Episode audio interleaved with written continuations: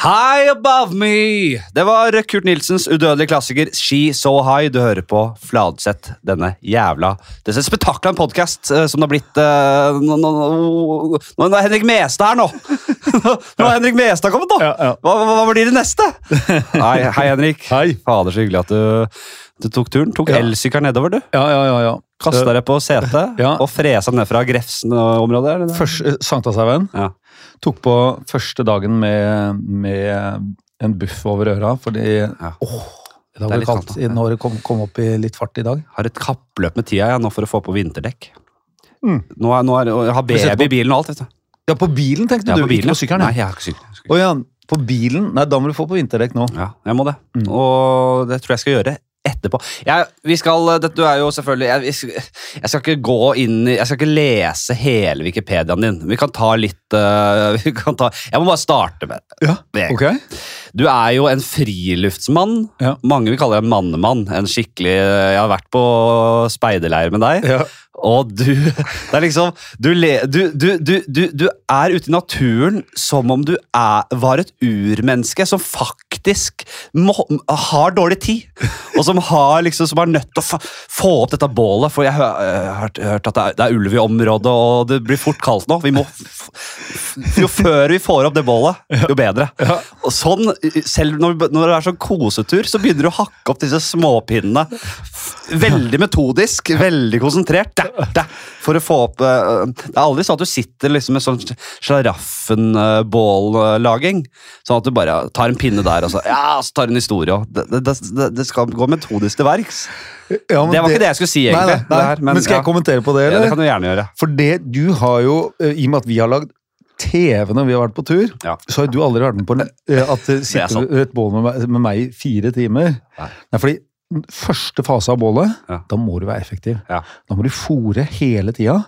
Og så etter hvert du har fått en sånn god globase og sånn, Ja.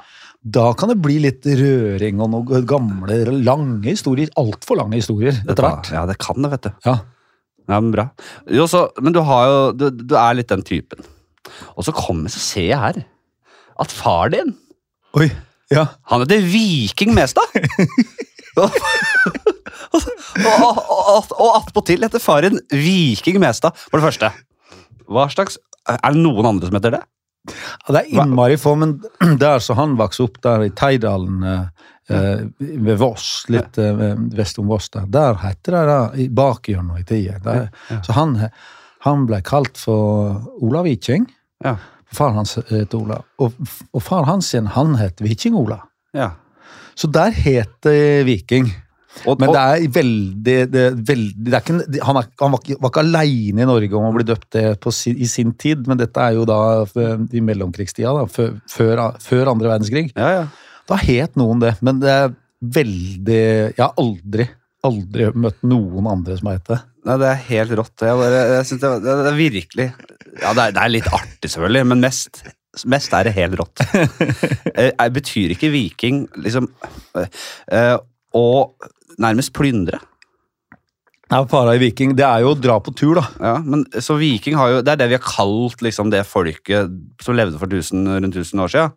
Men er det ikke så ordets, i ordets rette forstand er det ikke da å dra ut på tokt, da? På tokt. Men jeg tror ikke plyndre Ja, de, de dreiv jo, vi veit jo. Hvordan de vi holdt på, prøver ja. ikke å holde hemmelig hvordan de holdt på. Nei, nei, nei, nei. Men, eh, men å fara i viking, om det betydde på gammelnorsk, om det er eh, Om det da er altså, at da skal du kappe huet av en masse folk, det veit jeg ikke. Mm. Eller om det var å dra og skaffe saker og ting, og være borte i fem år og komme tilbake. Tror du vikingene ikke alltid plyndra og voldtok, men at de av og til kom til en liten landsby og bare Ok, slapp av, i dag så er ikke vi i form til å drive og plyndre og voldta. Vi sier bare bare pakk sakene deres, eh, klær og sånn, ikke penger og gull og, og saltmat og søtmat. Det lar dere ligge igjen.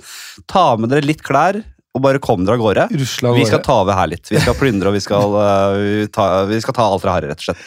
Men vi kommer ikke til å lage noe stort nummer ut av dette akkurat i dag. Da, vi har vært litt pjuske. Men uh, jeg veit jeg vet ikke. Hvis du, jeg har jo to sånne innfallsvinkler til det materialet der. Og det ene, det er jo den uh, Vikingane-serien, hvor de har grubla mye på det surreballet der. Der spilte du en, eh, rett, en, rett og slett en jarl Viking Nei, det er, Jon Øigarden er jarlen, jeg er høvdingen. Ja. Høvding Olav. Som er, Høvdingen, ja. høvdingen som er da Hva er forskjell på det? Jarlen står stå, stå over høvdingen. Ja. Høvdingen er bare i sin eh, landsby. Selvfølgelig. Sånn at når jarlen kommer, det er veldig alvorlig. Ja, ja, ja. Men høvdingen, han, han er jo en sånn Han er veldig god på alle vikingfag, også slakting og alt det der. Ja. Men han dreiv jo og problematiserte de greiene som du er inne på nå. Ja. Men det andre området jeg har vært, det er at jeg har spilt noen sånne spill, ikke, men altså Stiklestad-spillet. Og bare, bare, bare så kjapt, ja, fordi det er akkurat det Vikingene er jo akkurat det jeg prøver meg på, på her. Det er den derre The Office i vikingtida. At ja, det Jeg elsker Jeg må bare si, Vikingene Jeg, el, altså, jeg elsket hver sesong fram til det ble litt for mye handlingsdrevet. Skjønner du? Ja, Litt du for mye Nå skal-. Ja, ja, aller meste nedpå. Ja. Jeg må si det. Mm. Surriballet over hverdagstullet, og det er jo det de to gutta som har lagd dette her, eh, Jonas og Jon de har jo sittet de sitter, Jeg har vært på kontoret, de sitter jo akkurat sånn som vi sitter nå, overfor hverandre, og bare kokler ut kålhueideer. Er. Og det er, men, eh, men eh, de har spunnet rundt litt realisme i det. Men det andre universet, det er når du kommer til Stiklestad for å spille øh, nasjonalhelligdommen, eh, Stiklestad-spillet. Ja. Spille øh, øh, altså kong Olav, da, Olav den hellige. Ja. Da har jeg når jeg skal gjøre det, da har jeg prata med mye sånne folk som har tenkt mye på den vikingtida. Ja. Veldig, veldig, veldig veldig mye på vikingtida. Uten ironi ja. uten noe klusseball. Og da er det, da er, Den plyndringa er ikke så stor del av det, men når du graver litt i det, så var jo altså øh, hellige Olav Han var jo da som tolvåring. Mm. Så hadde han en liten sånn derre klin kokos her, som blei berømt i løpet av et år og to, som farta rundt. Og var leiesoldater og var ordentlig ordentlig gærne. Så når han var 15 år, så var han berykta langt inn i Østersjøen, og så dro han da Ja. Og da var det Det var plyndring og plaging de var dritgode på. Altså, de var eh, rett og slett eh, noe sånn eh, jihadistaktige gærninger. Men tror du um, Det er lett å tenke se, på det som liksom ondskap og et mørke, sånn, sånn skikkelig ond gjeng. Men tro, jeg tror vel kanskje det var mer humor og lystighet enn man kanskje kan tenke. At det, de, man så litt Man, man, man, hadde menneskeverd og sånn dreit de ganske greit i. Det var den der andre gjengen der, for vi liker ikke trynet på dem. Vi, vi, vi unner dem alt vondt, og vi plager dem og vi latterliggjør dem litt her. og Uh, eller tror du det var sånn ordentlig høvle over med, med, med svart i øya og helt psyko folk? Nei, jeg tror, ja, jeg tror det var ganske så psycho. Jeg tror at du kom deg ganske høyt opp i systemet hvis du hadde sånn dårlig personlighetstrekk. Ja. Det tror jeg. Ja. At hvis du var litt eh, psykopataktig, tror jeg var en fordel. Ja. Uh, og så tror jeg at uh, det var lojalitet En av disse her professorene jeg prata med til, når jeg forberedte Hellige Olav, forteller at lojalitet det var ikke noe greie sånn som vi tror det. At du var sett på som en som alltid var lojal. Nei. Det var, nei, For da var det jo overfor din klan, da, hvis du var en høvding, Ja. som da Vi er jo lojale mot den, mot kong Knut i Danmark. Det har vi jo sagt at vi er. Ja. Da er du en dust. ikke sant? Hvis det kommer noen som er sterkere enn han, Ja. da må du være lynrask til å skifte. Ja. Så det å være veldig god til å bytte parti, det var sett på som en jævlig bra kvalitet hos en leder. Men innad i, i, i, i, i, i klanen, holdt jeg på å si, så var lojalitet viktig, eller? Antageligvis, da. Ja, det, må jeg, det tror jeg. for ellers så funker jo ikke samfunnet. Nei, nei. Så de minisamfunnene, Og det er poenget. Vil du ha sånn alvortull, eller vil du helst snakke om vikingene, eller om dette? dette? Jeg elsker det. Altså, jeg, hva, hva, hva, jeg vil snakke om alt. Ah, ja. Vi Bare, vi prei, dette er, vi, vi koser oss. Grunnen til at eh, ikke sant, Når man hadde disse norrøne gudene, det var jo en haug av guder med masse dårlige og gode sider. Mm. Og det eh, var perfekt for sånn, mer sånn stammeaktig samfunn som vi hadde da. Ja. Grunnen til at det var så viktig å få pusha for de som skulle bli konger over svære riker, f.eks. Norge og Danmark og sånn. Ja. Grunnen til at det var så viktig for dem å ha kristne guden, var at den er hierarkisk. ikke sant? Der er én på toppen. Ja, ja. Og hvis du har kontakt med han, og alle tror på han, Mm. så kunne du plutselig, eh, da kunne du plutselig kreve lojalitet fra et helt svært rike. Ja. Men, men disse her andre surrebukkgudene som de mm. trodde på før, selv om Odin var liksom størst, og så var det, det var, eh, Da var det mye lettere å og vi er en gjeng, og Ja. vi ber til de og de gudene, og det gjør de andre også. Men det er samme, de kan ikke komme oss og fortelle, for vi veit vårt om våre guder. Ja. Så det var mye mer sånn eh, dekonstruert samfunn. Ja. Så det, var, det er magien til hele kristendommen og strukturen der, er at da kunne du ha svære riker hvor alle hørte på deg fordi alle trodde på det samme, og du visste hva Guden mente. Det der er så jævlig fascinerende og spennende. Jeg har tenkt på det at det, du får jo ikke et smartere konsept for å kontrollere, ikke sant. Eh, en ting er jo kristendommen og Gud og den, den, den allmektige, og han ser deg, og han kan tilgi deg hvis du gir penger, og det er så jævla Hvis du skal kontrollere og tjene penger, Ja. veldig smart. Ja. Men også, tenk deg det norrøne, da, med, med, med Valhall og uh, du, du, du Kjør på i det slaget, du. Og dauer du med sverd i hånda, så kommer du opp der er det helt rått. Og så, så bare, Det å få et krigersk samfunn alle til å tro på Valhall, og at du kriger som et helvete Hvis du viser deg fram her, da blir det, da blir du godt mottatt der oppe hos gutta. Altså. Tenk på Så- det. Tenk på det. Men tror du Dette er jo helt åpenbart brukt som et uh, kontrollmiddel, men tror du mange som satt på toppen allerede den gangen, var bevisst på at dette bare er bullshit? Det, og, men hvis man dyrker den troen blant uh, mennene sine, blant folket sitt, så opp når man fordeler og man kan utnytte. Tror du mange var bevisste på det og brukte det aktivt, eller tror du alle var overbeviste? Jeg tror at alle alle trodde, og det er en eller annen religions... Uh, i, tilbake i researchene mine, det, alt jeg har drevet med opp igjennom. Jeg er veldig glad i research, prater med prof, så mye professorer som kan fortelle deg så mye at det er helt fantastisk. rundt omkring. Og som si, sa han, skulle, kanskje, kanskje det var når jeg skulle spille på Stiklestad, eller noe annet gammelt, så sier han må huske at det, de folka her, det var ikke tro. Det var kunnskap. Folk var sikre på gudelæra. Ja, ja. Men de var litt uenige, sånn og sånn, men folk var helt, helt sikre. Det var deres vitenskap. Dette, det, da blir, Nå er Thor forbanna. Det er en grunn du ser at det kommer lyn, og du hører den. Altså, vi veit det. Sånn at jeg tror alle trodde på det. Jeg, nå gjetter jeg videre. At jeg tror også at uh, alle høvdinger og alle trodde Men folk tok Sånn som det kan være du, jeg, tar, jeg tar det til inntekt. Jeg er en sånn som har kontakt her, og jeg er han som leder ritualet. og sånn. Jeg kan si nå ga han oss det tegnet. Det er klart Folk manipulerte og brukte det at jeg er en som har kontakt med disse gudene. sånn gudene. Folk brukte det til å manipulere. Ja, ja. Nå har jeg fått beskjed fra gudene her. ja. Jeg ser at jeg har fått beskjed, men, men Ja, En spansk en, ja. Ja. ja. Du har egentlig ikke, to, du har ikke snakka med Tor i dag. Er ikke ordentlig, men du har sett et tegn, og så har du tolka det, og så sier du veit du hva, Ja. Sånn blir det. Jeg er helt sikker, nå skal vi angripe. Men, men sånn, ok, du har, du, du, du har personlige eh, ambisjoner. Eh, du, du, du har jævla personlige interesser når det kommer til at den båten skal over dit, og det er i dag. Ja. Uh, og så vet du at hvis, hvis Thor da hadde sagt noe greier rett til han, mm -hmm. uh, så hadde alle uten tvil blitt med. Og så, så, så, så, så, så tenker du oppi huet ditt ok, jeg har ikke snakka med Thor, men hvis jeg bare sier det, og rett og slett lyver så det renner av meg, så får jeg med hele gjengen. Altså, sånn tror tror ikke man Sånn tenkte sånn. sånn driver på. Ja, Men det- så tror jeg hvis du graver Eh, eh, lenger eh, eh, Eller vil det å være å misbruke Thors autoritet? Det er det tror, Og, og da vil Thor se det, og så, så får hun hammer i huet. ja, ja. Jo, men det jeg tror, hvis du tenker deg hvordan vi mennesker er skrudd sammen jeg, Hvis jeg nå vil noe fra deg, og så ha, tror jeg helt helt på ordentlig Ikke sånn litt tro, kanskje, tro og tvil og Nei, jeg veit at det, Tor fins. Så lager jeg, sier jeg, hvis den kaffen her nå jeg skvulper rundt, hvis den går opp, opp i kanten, så har Thor sagt at det, Ja. at det er greit at jeg klinker til eh, Fladseth midt i trynet. Ja! Det gjorde. Ja. Sånn tror jeg man har drevet på. ja. At man, man eh, manipulerer seg sjøl òg. Vi driver masse og manipulerer oss sjøl til å rettferdiggjøre det vi skal gjøre. Ja. Er, skjøn, øh, er du med? ja. Så han, Ja, jeg tror klart. at han, manipulatoren er troende sjæl. ja. Eller øh, ikke troende, da, men vitende. ja, ja. Vi, han vet at Gud, Odin blir forbanna, Ja.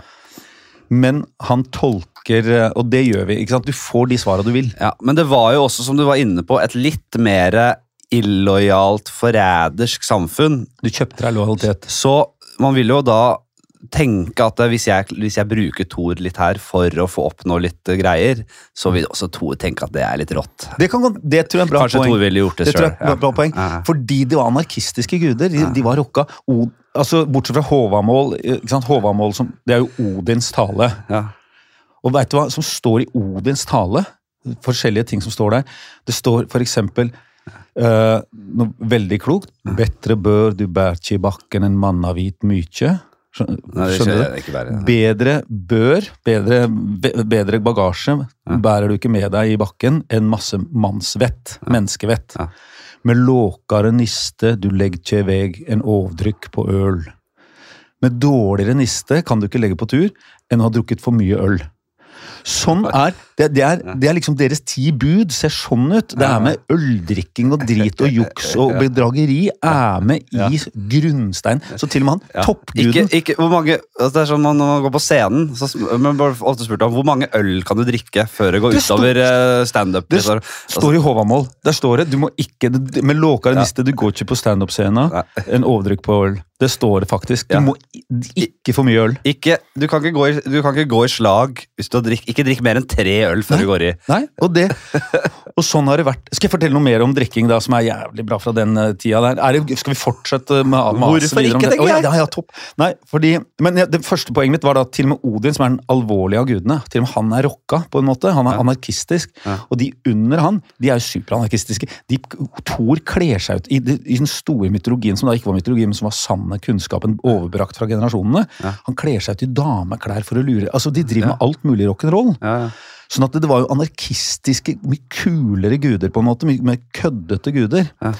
Uh, og så skal jeg si en ting. Det står ikke i Håvamål, da, selveste grunnsteinen, men allikevel, som var veldig viktig. Ja. Hvis du uh, har en kar som kommer på fest til deg, Ja. og han ikke drikker seg dritings, da skal du ikke stole på han.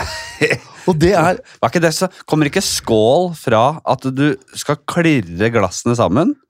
Og, og, og sånn at det, hvis, du, hvis ett glass har gift i seg, så skal det komme over i det andre, sånn at det begge stiller litt likt der? Ja, det, har ikke, det har jeg ikke hørt, fordi ordet, ordet skål uh, er jo den der skåla som de drakk av, men Ja. det, det der tror jeg er sånn renessansedrit, skjønner er du? At du skal klinke jeg skal, Ja, ja, ja. jeg skal, Vi skal slå sånn at det skvetter fra mitt glass til ditt og ditt glass til mitt.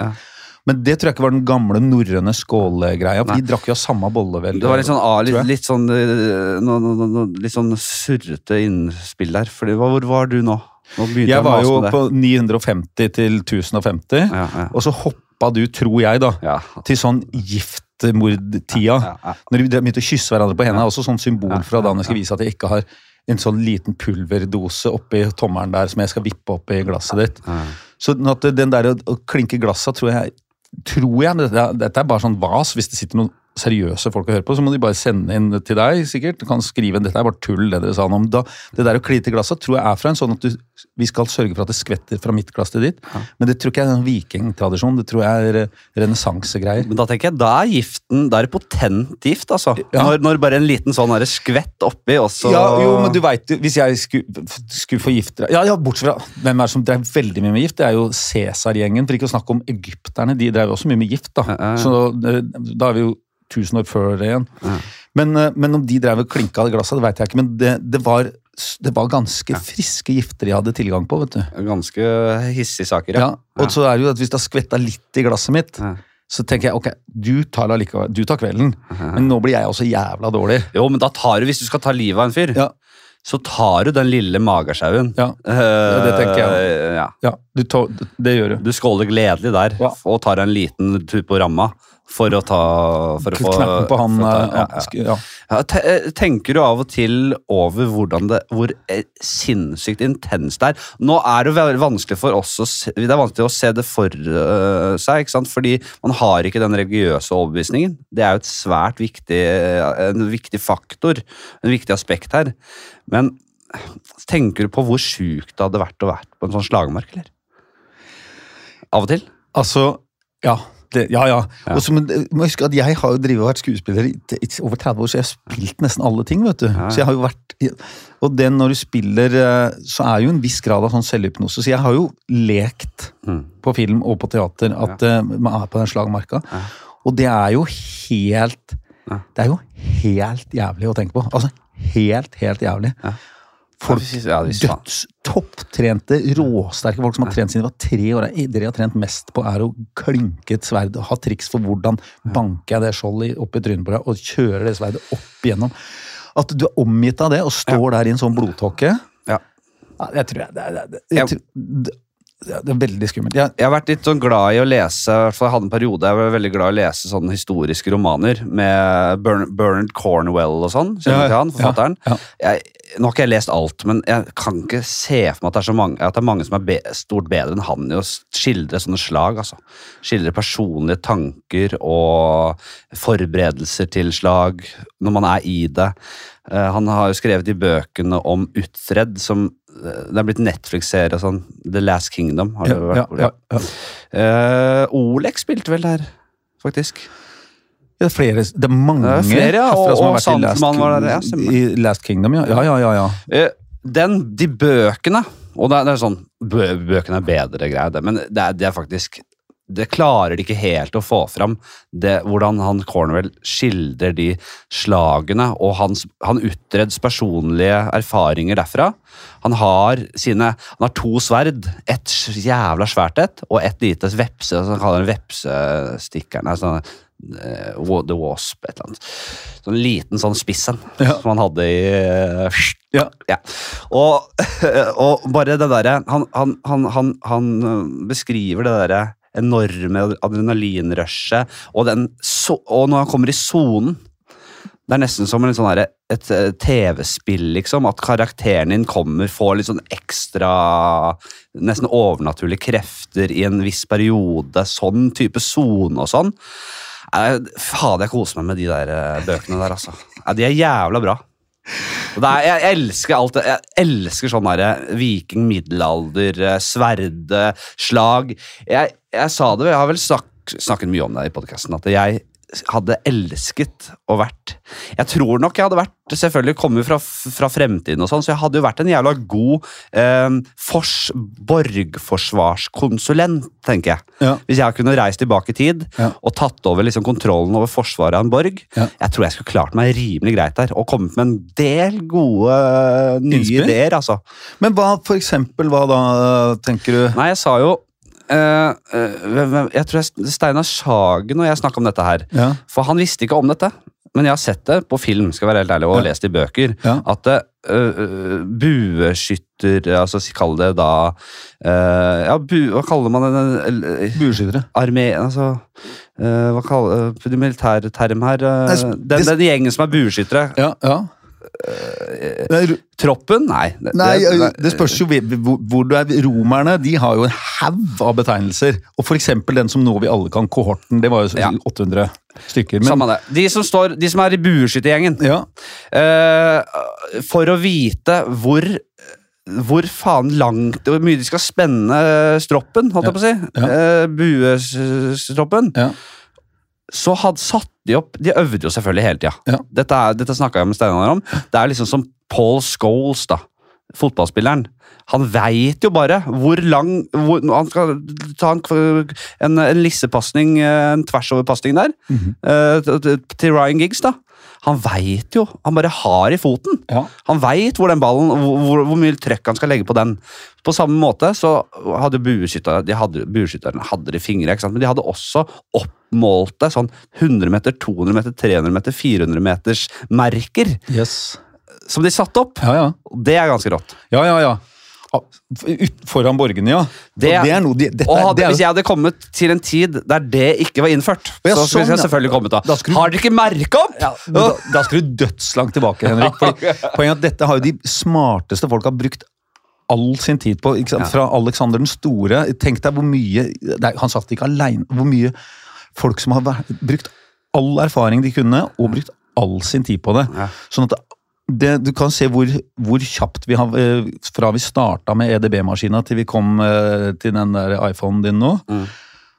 Det er de samme hjernene som har drivet og tenkt bare på bueskytterteknikk ja, ja. og på borgforsvar. Ja.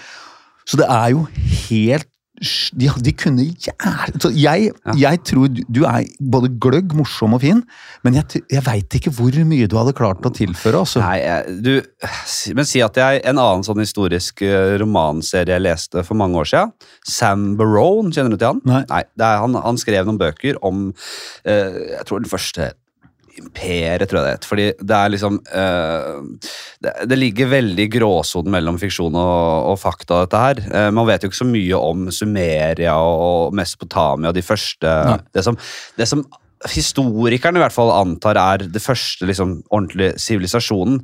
Andre, mm, sånn som eh, Det, det kommet en ny dokumentar på Netflix nå med en som er veldig uglesett i etablerte eh, i akademia. Ja. Eh, heter Graham Hancock. Han er vel en hobbyarkeolog, historiker eh, og journalist, egentlig, som eh, har kommet med eh, voldsomme hypoteser om at eh, sivilisasjonen er mye, mye eldre. enn, og, og at det var rett og slett en eh, meteor, meteo, meteo, altså, vold, altså en, en apokalyp, apokalypse for rundt 10 000 år siden, som eh, rett og slett utryddet eh, sivilisasjonen den gangen, og som har etterlatt seg bare få strukturer eh, som begynner å man finner nå. Der, de har funnet noe greier i Tyrkia og sånn. Det er jo ned- nedi med sivilisasjonens eh, vugge der. Noen, noen strukturer som er jævlig mye eldre enn det histor, eh, historikerne på en måte Man har jo tenkt at det, man begynte med landbruk og sånn for 6000-7000 år siden. Ja, og litt mer nå, da. Men, 8000 år siden. Ja. Og, og, og så begynte Og så kom sivilisasjonen som en sivilisasjonen som en eh, effekt av det, på en måte. Eller som en forlengelse av det. Han mener at det, vi skal mye lenger tilbake, men dette her er jo på en måte ja, det, det, det, To kåler som ikke veit hva de prater om, som sitter og suller og grubler Ja, på. det Dette er, dette er Abels tårn. Nå er vi i Abels tårn. Ja. Men uansett Jo, men skal jeg Så- si deg så- Abels Abelstårn-fakta, som er altså, bare siste par ukene, eh, kanskje to uker Ja. at de eh, fortalte i noen forskere i Israel at de har funnet noe eh, kokt eh, fiskerester, noe beingreier, Ja. Som de ser er kokt, helt bombesikkert er kokt, Ja. 100 000 år gammel. Ja. Det er så for 100 000 år siden Men det, det er ingen nå lenger som mener at det er 6000 år siden vi begynte å, Nei, han- kultivere men- korn. Altså. Men, Men, eh, det som slår meg, er at det er jævlig mye Han møte enormt mye motstand i de etablerte miljøene. Og det, det jeg synes, vi, Er ikke liksom Vitenskap skal Er ikke det på en måte Skal man ikke utfordre sannheter og motbevise det? Skal man ikke hele tida prøve å motbevise forgjengerne sine? Og, og, og finne nye sannheter? Hvis, hvis, hvis etablerte vitenskapsmiljøer sitter og på en måte er vrange på å komme videre og finne ut nye ting, fordi det er jævla mye stress, og det er jævla mye personlig prestisje som, som, som ryker, da, det, det er jo livsfarlig. Og- men sånn er det selvfølgelig. Du har brukt hele livet ditt på å finne ut at det der er funnet vårt, og nå har jeg skrevet og vært Ja. på alle konferansene og fått medaljer. Ja. Og så kommer en jypling Ja. og sier sånn altså, jeg, tror jeg, 'Jeg tror jeg var mye eldre'. Da sier du jo sånn Nei, hvor er bevisene for det? Ja. Og når han da bare kan teoretisere, for han finner et fiskebein, inntil han sender det til en ny DNA-test, eller hva det heter, i Israel, og de sier dette her er jo kokt, dette er jo 100 000 år gammelt. Mm. Men det har skjedd nå, så det støtter deg, da. Ja.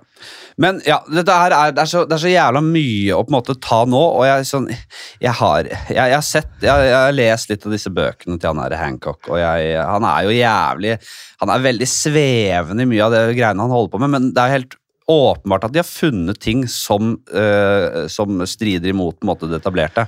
Uh, si at det var uh, en apokalyptisk tid Ja.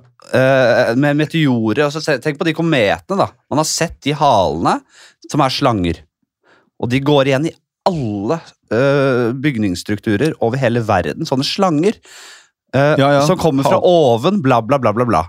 Og disse gamle eh, byggverkene har helt åpenbart lagt, altså, blitt bygd for å observere himmelen. Fordi våre forfedre og mødre har opplevd helvete fra oven, og nå har de, og, og, og de som har liksom overlevd det og levde videre, har brukt liksom all, nesten all sin kapasitet til å observere himmelen for at dette ikke skal skje igjen, eller at vi skal være forberedt på det. Det er noe der, men det her er ja, Vet du hva? Jeg vet da faen, men det er jævla spennende. Og de gamle greiene nede i Tyrkia som er bare sånn der 12 000 år gamle og hyperavanserte, når det bare skulle være jegere og sankere. uh, det henger ikke helt på greip. Jeg eh, Nå har ikke, jeg- jeg- jeg jeg- mer. Jeg har ikke, mer, jeg har ikke noe kunnskap her. Eh, men jeg er enig. Oss- det ja. eneste bidraget mitt Kokt fisk for nesten 100, 100 000. Ta Hold den litt sånn rettere mot Mener du det? Er det dårlig, er det bedre lyd på meg nå? Hvis du tar den for å si men jeg juksa den, for nå endra jeg stemma mens jeg flytta på mikken. Ja. Sånn at jeg gjør sånn, nå flytter jeg mikken opp igjen, og så flytter jeg ned igjen. Oi, det var stor forskjell. I en forlengelse av dette øh, krigsgreiene og, og borgerforsvaret og alt mulig, og slag, Ja, og dette er et spørsmål jeg ofte stiller gjesten, ville du helst vært bueskytter eller sverd, sverdkjemper? sverdkjemper. Ja. Men, øh, men jeg tenker jo ofte, så, sånn som romerne, som dere er såpass lite med bueskyting, vet du hva som er mer effektivt øh, enn bueskyting i veldig mange sammenhenger? Katapulter. Ja, ja, ja, er du gæren, alle de svære tingene, men det var jo gigantiske ting som måtte dras med oksekjerrer, og altså, det var ikke noe... Men av ting du kunne ha, ha med på kroppen, slynge, Ja. altså, med, de hadde blyskudd i slynge, Ja. og de går lenger enn en, en god bue. Ja. Enn de buene de hadde på, i romertida. Så kom jo langbuene 1200 år seinere. Ja. Langbuene, det, det var var, engelskmennene. Da begynte det å ligne, da begynte, da begynte England å, ja. å, å bli noe. Sakseren. Men altså, slynge, det syns jeg er veldig At det er så, også så effektivt våpen, det syns jeg er veldig På over 100 meters avstand. Aldri helt skjønt at man får noe særlig presisjon på det greiene greiene Jeg synes det er utrolig rart. Ja, ja. Men det kunne de. Det er klart at hvis, du, hvis, du, hvis, du, hvis det er teknologien du har, og du gjør faen ikke annet enn å jobbe med den slynga Nei, og du plukker ut, Det er jo selektering. Det er jo som med fotballspillerne som ja. refererte i stad. Du har selektert alle, Nesten alle driver med det, Ja. bortsett fra noen få langrennsbarn. Ja. Så selekterer du da ikke sant, den beste eh, herfra og derfra. Du har jo ikke uendeligheter å ta, men i det området ditt, da. Mm. Så er det klart at når du da plukker opp en gjeng som har driv, fått, fikk sin første slynge da han var tre år Ja. så Det var mye han i den tida. Så det, Ja, ja. det- Veldig veldig mye han i den krigerperioden på 10 000 år. ja, Men mange deler av verden var det jo mye øh, damer som øh, gikk i krig. Ja, det har vært litt, det har vært skjoldmøyer i, Ja. i, i vikingkulturen også, og så har de jo hatt eh, eh, noen kule, barske, barske amazoner og sånn, men, men og i eh, nyere tid så hadde du jo Gaddafi hadde jo bare damer i, Dame, dame, dame, personer i dameherre. Ja. Om det var knullerelatert uh, bare fordi han skulle knulle de eller bli sugd av de, det vet ikke jeg. Altså, men, Ja, eller om jeg- de var gode krigere, jeg vet ikke. Jeg veit ikke, jeg vet ikke. Jeg var altså Jeg lagde en sånn dokumentar fra Everest Ja. uh, i 2000 og, tidlig på 2000-tallet. Og da var det de desidert barskeste folk jeg møtte. Det ligger i en basecamp, masse masse tøffinger, og så og forskjellige ekspedisjoner. Men indisk, Indian Army Expedition Ja. uh, Han som leda den, en jævlig flott fyr. Ja. Pen, pen å se på. Pen mann. Ja. Han hadde jo med da mye Army-damer på denne turen. Mm. Men blant annet fordi han mente at det er mye damer som, som klarer seg best i høyden og sånn. Ja. Men der på 7000 meter, altså Northcote på 7000 meter, det er bare en steinrøys og is og stein, og bare noe telt der, bare så vidt du får Du får ikke satt en flat teltplass, det er bare slak, slengt noe telt eh, ned mellom noen steiner. Der hørte vi fra teltet hans knulling. Ja. På 7000 meter. Ja. Det er veldig imponerende. Det er Ja, det det. helt utrolig Det er veldig få som har det i seg da på 7000 meter. De fleste puster Hva er, det som skjer med, hva er det som skjer med deg i, i bingen uh, når det er på 7000 meter? Hvordan påvirker det selve knullinga? Nei, jeg, jeg, tenker du er jo så andpusten. Sånn at de fleste Ja. har jo sånn cirka. Du På 7000 meter. Ja. Nei, du, nei, hvis du sitter stille og prater, Ja. Så har du litt sånn da har du litt, De fleste er så slappe som dette her. Du er så groggy. Du er liksom skikkelig bakfull Ja. i utgangspunktet. Ja. Og så lite pust. Det er jo Ja. det er bare en tredjedel av det oksygeninnholdet som vi har her. Ja. Og så har du det i deg at du Mm. Hei, kom an! Han hadde vanvittig Han hadde jo vært på alle, alle de 12 8000 meter topperne Ja. uten oksygen, han her eh, duden her, da. Skjønner du? Er det én som skulle gjøre det, så var det han. Ja, så han hadde det i seg. Jeg, jeg husker jeg hadde en gammel kompis som eh, ja, Selvfølgelig en kåtskjelk, så det var ikke noe tvil om det. Uh, men han, eh, han drev og han, han, drev, han både runka og, han, og det som verre var, med, med sånn 40-41 feber. Og det, og det husker jeg alltid. Jeg bare, i faen? Hvordan det, det, det, er ikke snakk om! Når jeg har 41 feber og Det er ikke det du tenker på da? det er ikke, ikke et fiber i meg som ønsker det da. Men han måka på, han. Ja, men da var, da var han 16, eller er det nå etter Nei, det- dere blei voksne? Nei, dette var jo yngre dager, ja. Ja. Mm. Mm. Fra, fra 15 til 20. Den tida der. Da, da er det når du er 15 og du faktisk er hjemme for du ligger i senga Ja, men jeg husker jo, ja, jeg var jo også like gammel, Ja. men jeg bare husker den gang også. Til bare, at du tenkte sånn What? 41 feber, ja. Nei. Så det er noen som det er, Vi er forskjellige. Ja, ja. Det er det. Mm. Uh, skal vi ta en eh, spalte? Ja, ja. Jeg har jo Det er jo en, en spalte som har vært med meg hele veien her. Jeg har jo faktisk holdt på nå i Er det siden 2018, da? Så det har blitt noen år Ja. med dette greiene her. ja. Uh, den har vært med hele veien, nesten hele veien, denne her. Uh, og nå, blir det, nå er det forresten uh, liveshow. Dette, det er utsolgt uansett. tror jeg. Hvis det ikke er utsolgt, så er jeg ikke langt unna. Så hvis du hører dette her og ikke har kjøpt billetter og vil det, så bør du virkelig være kjapp på avtrekkeren. Det er liveshow på Parkteatret, Henrik. Som du skal ha? 9. desember. Ja. Jeg har jo, Det blir et basketak uten like. Jeg uh, har jo en gammel venn. En meget alkoholisert uh, type. Bor rett og slett uh, uteligger. Bor under en bru. Jan, Jan heter han. Som du har kjent alltid, eller som har Ja, blitt har kjent kjent med han i mange etter år. Ja. Han er jo, Nå er det jo prisstigning. Det er, eh, det, det, det er vanskelige tider. Uh, og, han, og det er kaldt, og han har vinterdepresjon, og han, uh, det er lett å ty til flaska. Og, så han hørte at jeg skulle leie Parkteatret for en kveld, og Ja. da var han jo så opportunistisk at han da lurte på om han da kunne sove over der, siden jeg har leid over den. Så han, men han kan, og han har ofte deltatt han har vært i podden her, og han har eh, deltatt på show før han, men da, det, det, det, det kan han ikke denne gangen, eh, for da er jo drikking og sånn, ikke sant? Han blir jo fort frista der. Så han skal holde seg litt eh, i kulissene der, men Men får, skal får han kjenner jeg han rett, så kommer han ut på den scenen der. Han får overnattet, ja. Ja, ja. Han, blir, han sover over, han. ja, altså, Og så har vi fått med Raimond eh, fra Beglomeg. Kjenner du til bandet? nei. Han eh, blir en slags En slags Paul Shafer fra Letterman, husker du han? Skalla Ja, ja, ja. En slags Paul Shafer bak der, bare med bass. Ja. Og, og det blir spennende å se hvordan den bassen Om den holder for å få, få opp stemninga mellom når gjester kommer på og sånn. Han, skal, han har jo liksom ikke mer enn en bass, da.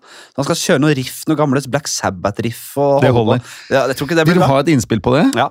Jeg, for en god del år siden jeg, Nå har jeg havna litt mer over i din verden, som er tull med deg. Så jeg driver, men, men jeg har egentlig bare vært en veldig seriøs kunstner. Kjempe, kjempealvorlig kunstner. Ja. Uh, og så skulle, vi, skulle jeg da ha, ha ansvar for å lage det som heter Hedda-prisutdelingen, som er Ja. teaterårets beste forestilling og skuespiller og sånn. Og så hadde det vært litt surrete, så da fant jeg ut at det, eh, da skal jeg ha bare én musiker på scenen som driver eh, og det, Da ringte jeg da til Arild Andersen, Ja. bassisten, kontrabassisten, som har vært som er verdensklasse, ikke sant? Far Altså- til Jakob. Far til Jakob Skøyen. Ja. Arild Andersen, verdensklasse bassist. Tenkte bare han som står der med den bassen. Det blei helt fantastisk. Mm. Men han hadde jo da noen bokser. Mm. Som han kunne klikke på med foten, sånn at han kunne lage sine egne looper og sånn. Ja. Men jeg kan bare fortelle deg. Eh, hvis det ikke funker med din, din Paul Schaefer der, Ja. så ringer du Arild Andersen. jeg, jeg, jeg, jeg tror ikke jeg klarer å få Arild Andersen. Og det er ingen, no offense til Raymond, som også er glimrende.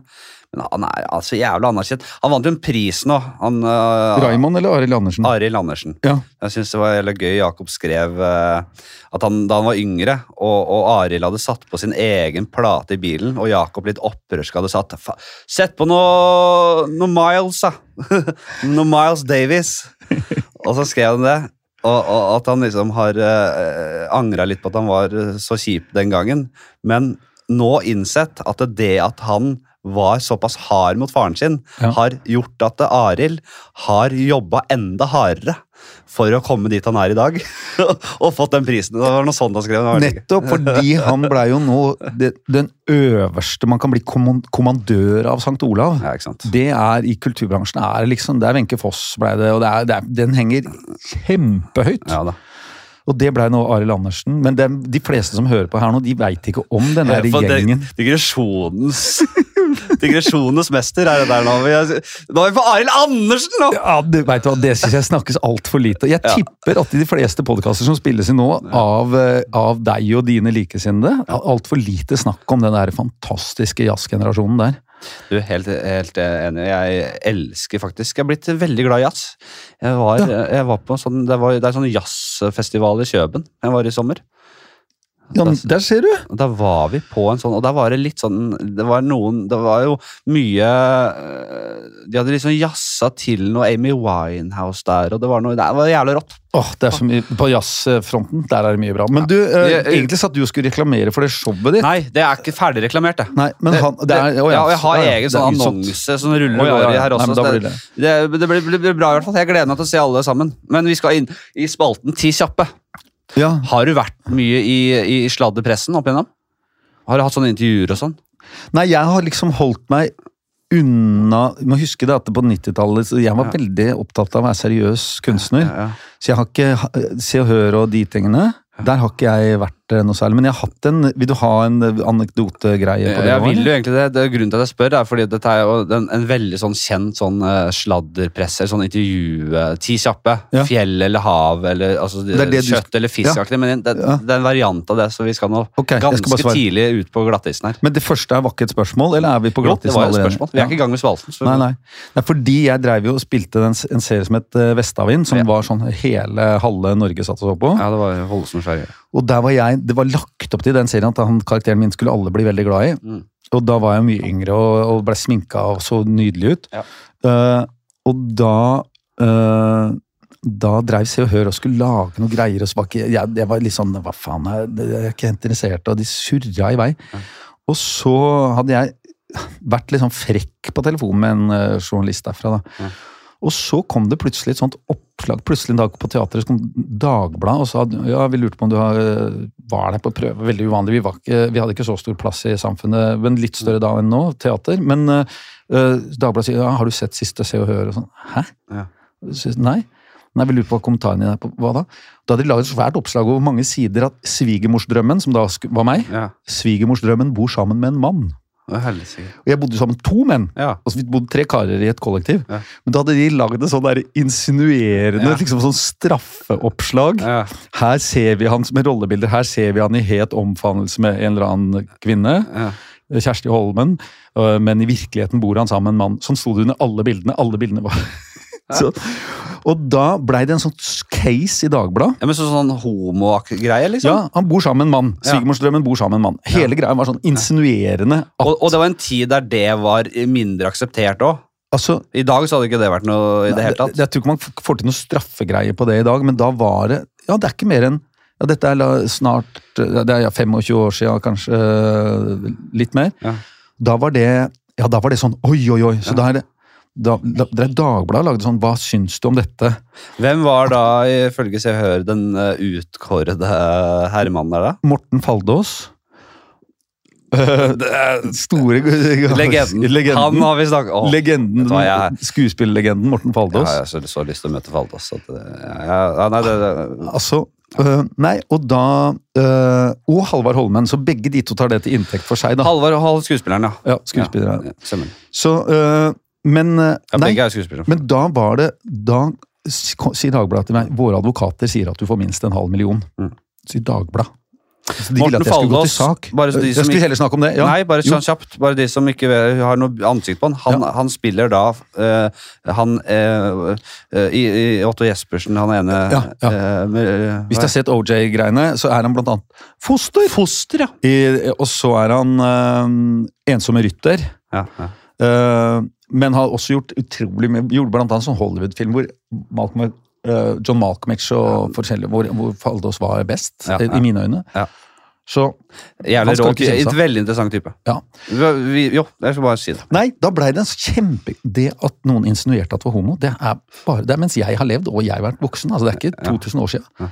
Da var det så skandale. Dagbladet, sånn, Dagbladet laget sånn anklagende, og det ble sånn ingress i Dagbladet på det i et par dager. Ja.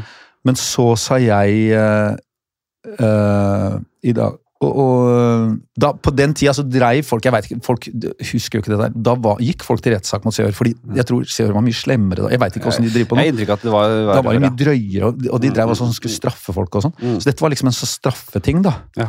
Uh, og det var bare et år tidligere så hadde det vært kjempeoppslag om at Vegard Ulvang og, og var, sammen, var homo og var sammen med Arve Tellefsen. Jeg husker ikke. Det, det helt utrolig skrullete greier. Ja, ja. Så nå var det en ny greie. Men da, Rullevåg og Tellefsen. og da dreiv Da rulla og gikk det. Uh, uh, Ullevåg og Tellefsen. ja. Ja, ja, ja. ok. ja. Og da rulla og gikk dette her i noen dager, Mm. til liksom fikk lagt den ballen død.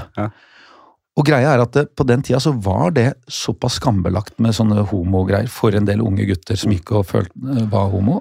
Det var så skambelagt at det var liksom fare for liv, ikke Ja, sant? Altså, da. At de, de, men de slo det opp. Altså, ikke bare er Mestad litt homo, han er erkehomo. To, to stykker driver han og, og høvler over borti svinereiret der.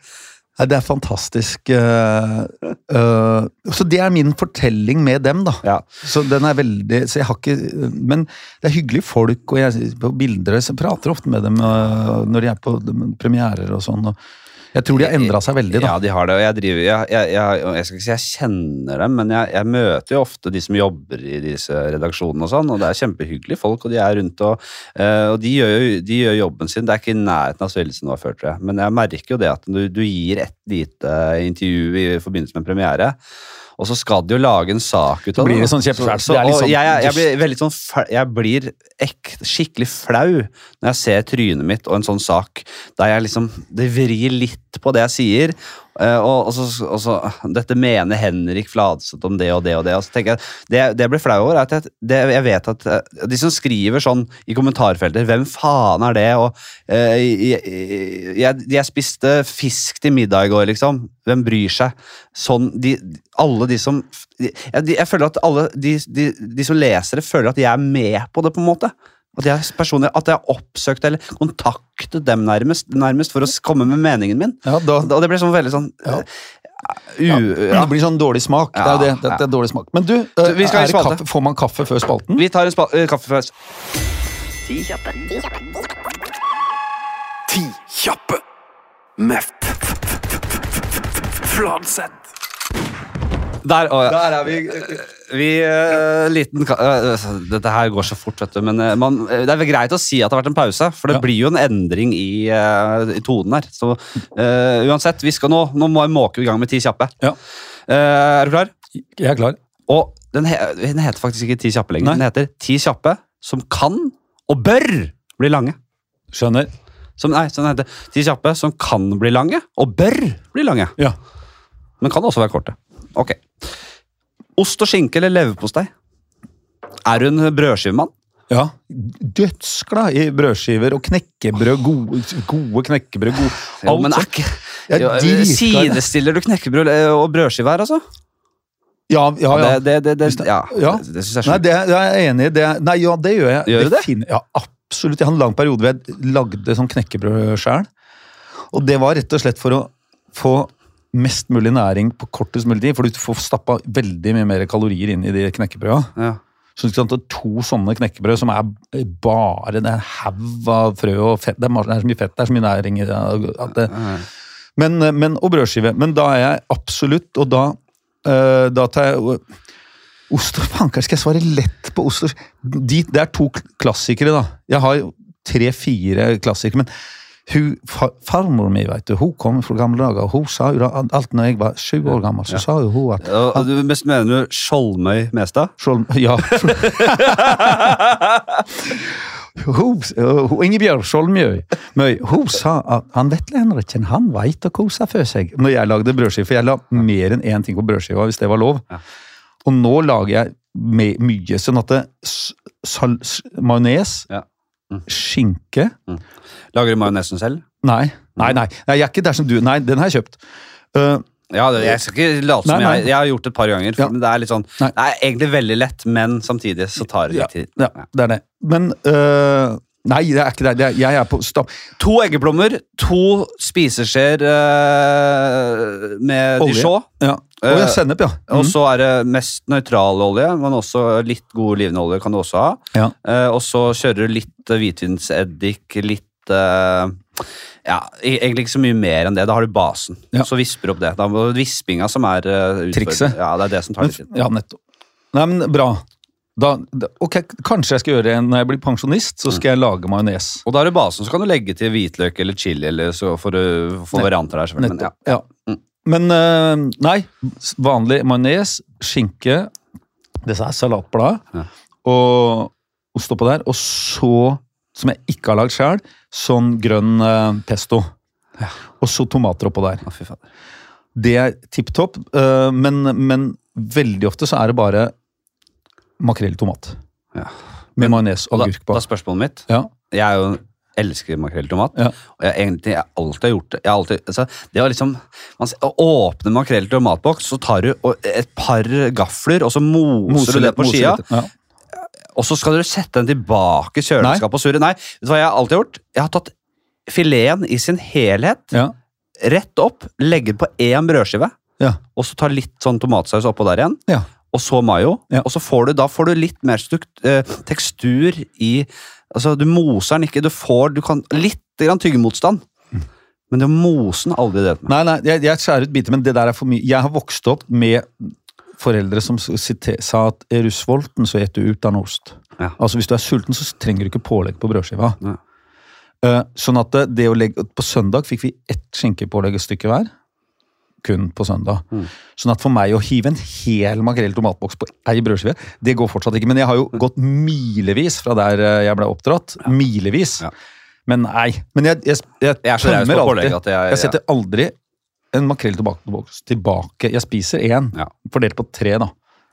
Ja, nei, jeg, jeg, det er veldig Av og til, hvis brødskivene er små, så kan jeg dele den i to, og så har jeg en på hver. Men det er veldig Oi. sjelden. Altså. Det er som Oi. oftest så, så er det en hel filet som Oi. dekker da hele brødskiva. Ja, Men det er, det er, det er eh, luksusvarianten, det der. Jo, men eh, eh, Nei, ja, du, du fordeler det på tre brødskiver. Jeg spiser én svær brødskive med én kloss uh, makrelltomat. Ja. Det er jo det samme vi driver med. Du spiser bare to brødskiver mer. Ja, det er det jeg mener. At du må fordele det utover. For brødet er det billigste. Nå er, spørs litt på hvor, hva slags brød du har nå, da. Fordi, nå Jeg men, baker eget brød. ja, da er brødet det. Da er det brødet det billigste. Og det selvfølgelig, du merker jo hvor mye konserveringsmiddel og greier det er i brød. brød. Det brødet jeg har, det spises på én til to dager, og så begynner det å bli tørt og gammelt allerede da. Ja. Så det må litt i risteren og sånn, men det er bare du vet, Jeg vet akkurat hva jeg putter oppi der, liksom. Det, det er noe med det. Dette vet jeg du er opptatt av. Men er dette, dette var langt spørsmål på uh, Ost og skinke eller leverpostei. ost, ost og skinke. Er du- Jeg, hadde jo, jeg har jo mista nesten ødele... Altså, jeg var på tur. Uh, nei, jeg, jeg var uh, Kan jeg snakke om det? Ja, det kan jeg. At jeg var på tur med, jeg var på tur med Hellstrøm. Ja. Uh, og eh, som en del av turen, det var Kjøben, så skulle jeg lage egen leverpostei. For visste, produksjonen visste at jeg er en leverposteimann. Ja. Og så at jeg har hatt et lite oppgjør med stabburet og hvordan de lager leverpostei for barn i dag. Bare tatt ut alt som er næringsrikt og bra, og erstatta med ting for å, for å bedre bunnlinja si. Jævla svin. Å ja. Så utrolig ræva opplegg. Uansett. Men så skulle jeg lage leverpostei fra bånn. Ble tatt med bak, på bakrommet til en eh, slakter i, på, i Kjøben der. Ja. Og lagde den, altså leveren oppi den der kverna. Ja. eh, Skviser det til en sånn rød gugge. Ja. Oppi med noe greier der. Den- Den røra er jo bare en rød altså, Veldig, veldig lite appetittlige greier. Eh, Så hadde han juksa litt, så han hadde en som var ferdig stekt. Eh, Men leverpostei må sette seg. ikke sant? Det er jævlig mye fett der. og sånn. Det setter seg jo, det skal bli kaldt, og det skal sette seg at du får en eh, fast konsistens. Den, når den er rett ut fra ovnen, så den, har den jo samme konsistens nesten som den jævla røra som man brekker seg litt av. Mm. Det skulle jeg ha på brødskiva. Og selvfølgelig smaker godt, men er, den er både varm og litt sånn rørete. ikke sant? Ja. Og så sa jeg hva drikker, man hva drikker du til leverpostei? Så jeg, jeg drikker alltid melk jeg, til leverpostei. Og du kan tenke Eivind melk! Melk til leverpostei! Det er helt utrolig. ikke sant? Ja. Og, men jeg spiser jo alltid brødskive med melk og leverpostei. Jeg elsker jo det! Ja, men, ja. De ja. lo seg i hjel av det, men jeg eh, fikk jo et glass melk, da. Ja, topp. Men fy faen, den der varme, rørete leverposteien der, og melk, litt sånn helmelk der Det var ikke noe. Nei, det var ikke noe. Jeg, måtte, jeg spøy jo et par timer senere. Men dere må huske at jeg kommer fra gamle dager. Mm. og de foreldra mine de kom jo fra småplasser på Vestlandet, sånn at vi ble jo oppdratt midt i Oslo som om vi fortsatt bodde på et sånn småbruk på Vestlandet. Så mora mi lagde jo leverpostei. Ja. Hun stekte, så den røra der har jeg sett hundre ganger. Ja, ja. Og så stekte hun men jeg elska Da fikk jeg ikke mye, men jeg fikk smake Og da var det ikke med skjæra med kniv når den var helt fersk og varm, sånn som du har opplevd. Men da fikk jeg ta en skei. Ja. Så jeg forbinder alt som er fint eh, med det der. For jeg har jo helt sykt eh, forhold til mora mi positivt. Altså, alt, alt som har med henne å gjøre, Ja. det syns jeg er fint. Ja, ja. Nå lever jo ikke hun lenger, men Bra, så jeg, den der, der forbinder jeg med bare noe helt fantastisk. Varm lever. Eller varm noe mer kom, varm ny kumelk. Har du drukket det? Apropos ja, melk. det, det, det. Ja, Også helt fantastisk. Farfar drev og, og, og, og drakk geitemelk. Han Han var Ja. helt eh, totalt uh, psyko på det der. Han skulle det så fett som overhodet mulig. Det husker jeg, og det, det, smakte, det husker jeg da jeg var liten og tenkte går det an å drikke det greiene der? Det var jævla kvalmningsopplegg. Men uh, jeg har helmelk og fetere melk har jo vokst. Det er det som er ekte melk. Og jeg er jo, etter jeg har blitt eldre, så har jeg også satt pris, mer pris på fet og ekte mer, altså, Ikke melk som på en måte er uh, altså Skummamelk drakk jeg da jeg var liten. Det, er, så det kan jeg ikke drikke lenger. Det er bare sånn, "Nei, dette her er jo bare for noe tynt skvip. Så lettmelk drikker jeg nå. Ja. Men, eh, Råmelk, har du smakt det? ja, jeg har det patta rett fra Ja, men råmelka den har jo ikke kua. Råmelka er bare når den har fått kalv. Den, den første Ja, ja. melka da er helt ekstremt og den kan, du, den kan du rett og slett, Råmjelka den kan du rett og slett bare hive rett i en form, sette i steikeovnen, Ja, så blir det karamellpudding som er bedre enn Å, fytte rakkeren. Jeg har jo jeg har mer, eh, mer eh, Jeg skal ikke si førstehåndserfaring med Fordi jeg har ikke drikkere sjæl. Jo, jeg, jeg har vel smakt så vidt på det, men uh, melka til dama mi Hun hadde jo Man har jo råmelken første tida eh, når hun Ja, ja, ikke sant? ja. Den derre ja, Har, har du lov til, får du lov av henne til å prate, fortelle om det på radioen? Råmelka hennes, ja. Ja. ja, ja. Oh, ja, topp. Huden er da ikke flau på det. Nei. Nei, Hun er helt rå. Hun, Amme var litt sånn bekymra for Jeg tror alle er Blir det noe melk her? Blir det noe ordentlige greier? Og klarer jeg det? Og, øh, hun melker som et lite helvete. Gikk som bare juling, ja. Ja, ja, Kjører på hun da. Herlig. Vi skal videre. Det blir gul gulost og skinke. Ja. Er hun Jarlsberg eller Norvegia-mann? Jarlsberg. Det, var det var ikke en del av. Det var, var et tilleggs. Tilleggsspørsmål? Tresko eller stortåsandaler? Skjønner, skjønner du hva jeg mener da? Tresko. Ja, du er en tresk... Ja, det slår, du slår meg som en treskomann. Ja. Kan du forklare uh, Min svigerfar, også en treskomann. Jeg sa det til han her om dagen. Hva, jeg prøvde de der jævla skoene hans. Hva i faen? Tunge! Og, og da sa jeg til han det er derfor alle med tresko går litt sånn derre treskoaktig, fordi de må jo holde, jobbe med å holde de treskoa på labbene. Ja, men du, eh, når du går mye med tresko, så, så trenger du ikke å konse på det. altså. Da, går- da går det av seg sjøl. Men jeg har også tenkt Du får med en sånn skomaker Andersen-gang-holdning der. Nei, men du kan løpe, ja. du kan løpe Når du går mye med tresko, kan du faktisk løpe med tresko. Og det du kan hvis du, er, eh, med tresko, hvis, hvis du må løpe fortere, Ja. så er en egen teknikk for at du spretter av deg treskoa, så vet du når du plukker dem opp på vei tilbake. Hvordan da? Nei, Du løper ikke sant, med treskoa, Ja. for da, du, da merker du det når du løper. Så kan du ikke liksom la foten la, rulle over tåballen og så sprette opp bak, sånn som foten gjør når du løper ordentlig. Det er sikkert visst. Men du kan løpe ganske fort, så kjenner du fankeren, vet du hva, jeg må faktisk sette opp farta. Ja. Da bare lar du treskoa bare vippe av i farta bakover. Ja. Du bøyer deg ikke ned, du stopper ikke, du bare akselererer. Så da blir de liggende i veikanten. På Hvor ofte side. har du måttet gjøre dette her? Det høres ut som det er noe man ofte gjør. Ja, det gjør man ofte. Det, altså, jeg går ikke så mye med tresko lenger, men jeg gikk veldig mye med tresko før. Jeg hadde sånn dobbeltliv, så jeg hadde åtte uker jeg, jeg husker ikke hvor lang skoleferien var, men hvis det var åtte uker, Nei. så var jeg åtte uker bort på Bømlo, der som besteforeldrene mine bodde. Hvor gammel er du fra 1800-tallet? 1800-tallet. Eh, Ja. altså, Men Sånn at når jeg var ung på 1800-tallet, da var det tresko som gjaldt. Det, jeg tror ikke det fantes så mye andre sko. Eh, og da løp vi med treskoa, og så fikk du ofte dårlig tid. Ja. Og da bare Så ligger de i veikanten, Ja. Og da kan du sette barbeinfart så det synger etter. Og så er det varmt. Det er alltid varmt, og det er alltid greit. Tresko er veldig bra til veldig mye. altså. hva- hva er det tresko gir som en vanlig sko ikke gir? Eller vanlige sandaler? Er det, hvorfor skal man på død og liv ha disse treskoa? Hva er, hva Det er bare å sette beina inni, sånn at du kan Ja. gå og bære noe. Hvis du har Ja. fiska som jeg drev med hele eh, den der, det halvåret som sommerferien var, Ja. Så går du jo med en svær stamp med slo, ikke sant? Du har stått, eh, og så bare stikker du beina, så du trenger ikke å ta, slippe noe som helst. Du bare stikker beina inn i treskoa, så går den til sjøen og hiver det på sjøen. Men hva, hvorfor ikke sandal? Hvorfor tresko? Nei, sandaler, det er jo ikke, eh, det er jo ikke bare å smette. Det er, det, det må, nesten Nei, men de sandalene som fantes på 1800-tallet. Birkenstocks. Jeg sier, jeg sier stortåsandaler. Men det er jo selvfølgelig knockout-seier til treskaret, åpenbart. Men det er eh, bare vanlig Birkenstocks, da. Ja, nei, det er ikke Si, har si prøvd tresko eller Birkenstocks, kan jeg heller si. Jeg har prøvd Nei, og da veit jeg ikke Da vil jeg si det er bare bitte litt lettere å stappe beina inn i tresko. Bare ta av deg genseren, du. Det er, det var voldsomt. Det her er ikke genser, det er kofta Det er som mor min strikka før jeg ble født. Sier du det? Ja. Fin.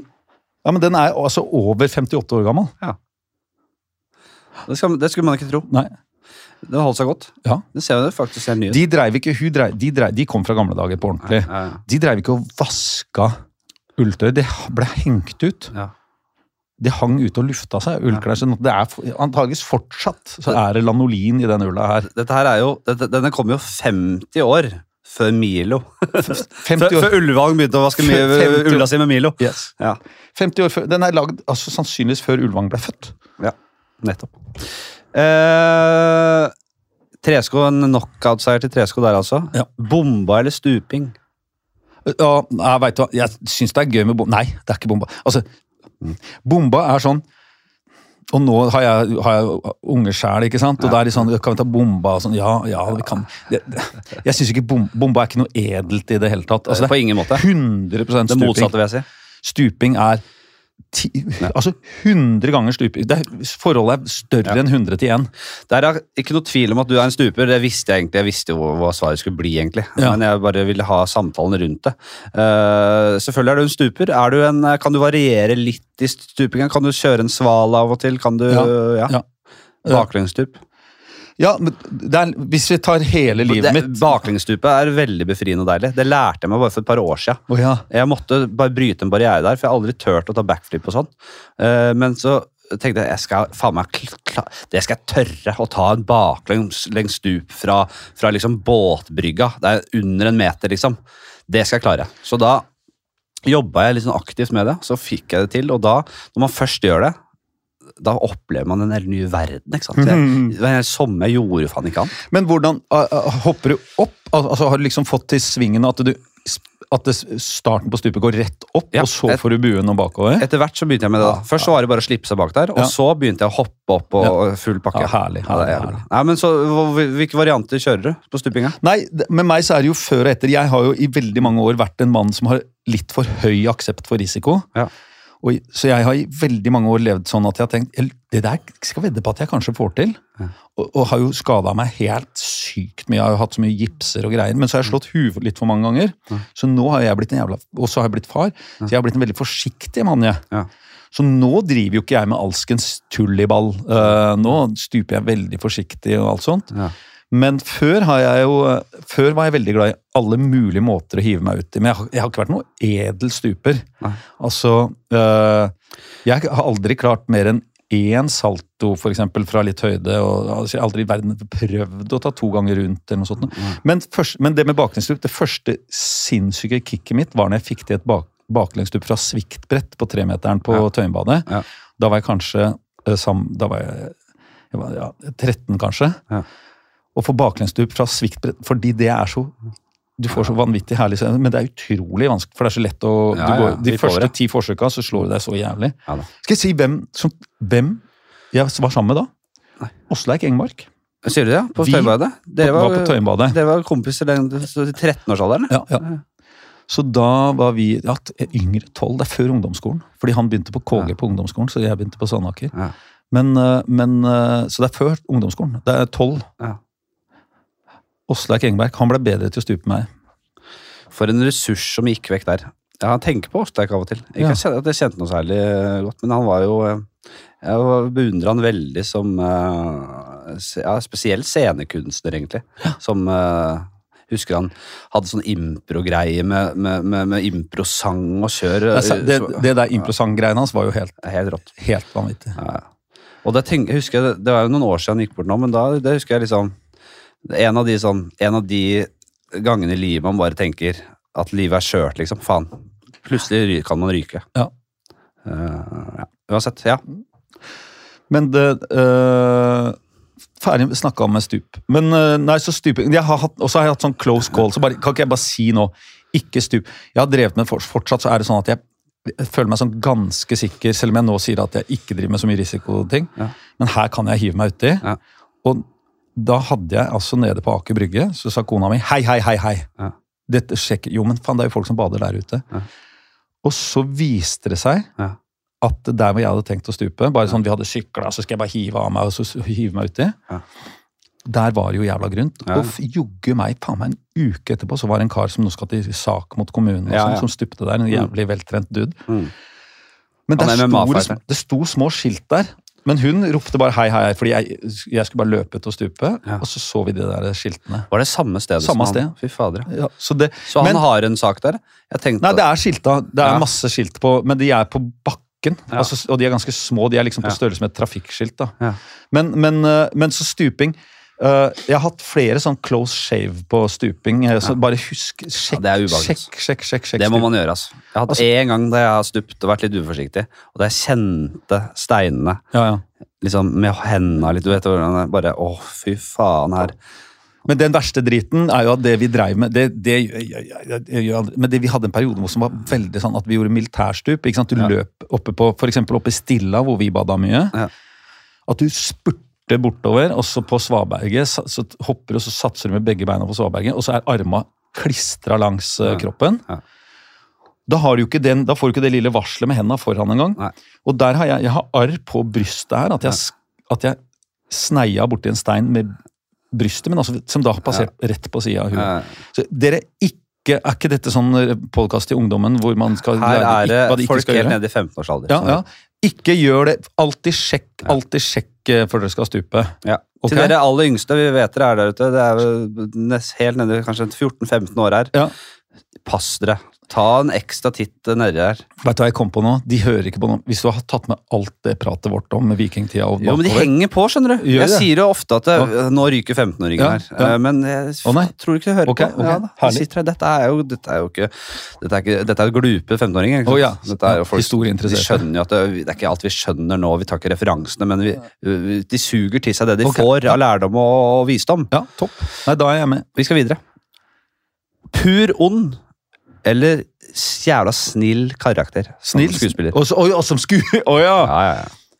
Nei, det, det vanskeligste, altså det høyeste vanskelighetsgraden er jo den dritsnill. Altså en bare varm snill. Det er vanske, høyeste vanskelighetsgraden. Ja. Men nei, å spille onde, onde karakterer er fantastisk. Det er veldig herlig. Det er det. Det er ikke noe å lure på. Hvem er den ondeste du har spilt? Nei, altså Han pedoen. Pedoen i Sønner Ja. fra tidlig 2000-tall. Ja, ja, det, det er en, det, da jeg virkelig fikk øynene opp for deg som skuespiller. ja. Den, for jeg synes det var en veldig bra film, og der spilte du jævlig godt. Ja, nei, det var god. Ah, takk. Du, Eller jeg tror det var det. Nei, det var kanskje ikke det, men det var i hvert fall jo, for det, det er, jeg vet ikke, Du kan ikke være eldre enn at du, du Nei, jeg kan så ikke Vestavind og de greiene der, vet du. Jeg så ikke det. Nei, men så det er den det er Soria Moria så jeg. Nei, Jo, jeg så det. Soria Moria? Ja, den serien. Se- serie, Men Jeg husker den ikke så godt, jeg, men jeg så, jeg så på Wikipedia i stad at eh, du hadde spilt der. Ja, det, det, Det er Der, der var jeg en gjennomgående snill type. Ja. Det er innmari vanskelig å fylle den, for det er en hovedkarakter, og han er bare innmari ålreit og grei. ja. Hvem er den ondeste? Ondeste jeg har spilt? Jeg ser det er fem, fire minutter til du må gå, som vi har avtalt. Å ja, sånn ja. Nei. Ja, da må vi gå litt med å sende en ny melding der. Men, er sånn. men uh, ondeste jeg Fankeren er det. Nei, altså han, hvis, hvis du tenker at han Pederen er ond i sin handling, er han jo veldig ond, da. Jo. Ikke sant? Jo. Uh, Men, uh, ikke, ja, nei, men selvfølgelig som, så, Han vil jo da forsvare egne handlinger, og så, Ja. så, så ut fra hans perspektiv så vil han ikke være sånn eksplisitt Nei, men han, han, opp, han, han har fucka opp livet til en del eh, unge gutter, Ja. og ender jo med å sette gunneren sin i kjeften og trekke av, selv om Ja. du ikke ser det på filmen. Ja, uh, ja, jeg tror vi, vi lar det stå med han, vi. Skal vi ta han, ja? Ja. Men det er det en annen der, vel? En net, nett, vi ta men ta nest da. Vi skal ha en til. Nå, Uh, nå har vi nevnt han. Jeg Um, hadde liksom regna med at det ikke ble han, jeg nå, Å Å ja! Nei det, Jeg må prøve å komme på Er det Er det andre Både på teater og film. og- Ja, ja, ja, ja. ja det, er det, no, ja, det er teaterroller jeg tenker på nå. Først spilte jeg veldig mye teater. Ja. det, men jeg har ikke fått så mange av de onde Skal jeg si er en som kan, kanskje rett og slett Han, han er, vil jo heller ikke være ond, men han er jo helt fullstendig ødeleggende mann. Altså, Ibsens uh, Villanden, som er jo det komplette teatermanuset, er helt, i verdens, verdens helt fantastisk. Der er jo da av menn, Det er mange hovedroller der. eh, Men av mennene så er det da Hjalmar Ekdal, og så er det motsatsen, som er en livsløgner og surrebukk og veldig søt. Og så er det motsatsen, gamle kompisen hans, Gregers Werle. Og Gregers Werle er en mann som tenker at han bare vil Han sier det er så mye bøff i verden, så han vil bare cut the crap og bare gå rett på sak og fortelle sannheten. Mm. Han er i sin Han er den som kommer ut som den ondeste, faktisk. Men han, det er ikke ondskap i han, altså. Mm. Men, men hans handler fører, han fører direkte til at dattera til Hjalmar eh, tar livet av seg. Ja, ja. Grusom. Fantastisk fascinerende karakter. da. Ja, ja, ja. Fader, den jeg, jeg, jeg drev og Jeg har lest det manuset da jeg gikk på Romerike, øh, men da var jeg for, litt for ung til å kanskje skjønne kompleksiteten. Men uh, absolutt, jævla rått stykke. Jeg husker øh, Jeg har jobba med det. Ja. Men jeg var nok for ung til å ta helt Se hele greia, ja. Jeg var ikke så, jeg var jo, prøvde å bli skuespiller en gang i tida, men jeg, jeg innser nå at jeg, jeg var ikke for smart Jeg var ikke interessert nok, smart nok til å skjønne liksom de beste manusene den gangen, tror jeg. Altså. Nei, men lese, det, er ikke så mange det er mange gode skuespillere som ikke er gode til å lese manus. Ja. De er bare veldig gode når det, når det blir analysert for dem, får, ja. det til å leve. Skal vi videre? Ja. Ramen eller fleskesteg-sandwich? Eh, Si det en gang til, jeg visste ikke hva noen av delene var. Ramen, Ramen, hva er det? japansk eh, nudelsuppe. Ok, Har du ikke spist en ramen? jeg veit ikke. Fy faen. Liker du kraft? Ja, ja, ja. Liker du nudler? Ja, ja, ja. Ja, da må du prøve ramen. Ramen, ok. Å, fytt faen, du kommer til å elske Å det. ja. Det er så digg, det. Hva er det, mot, hva er det andre Jeg er veldig glad i sånne nudelsupper, da. Ja.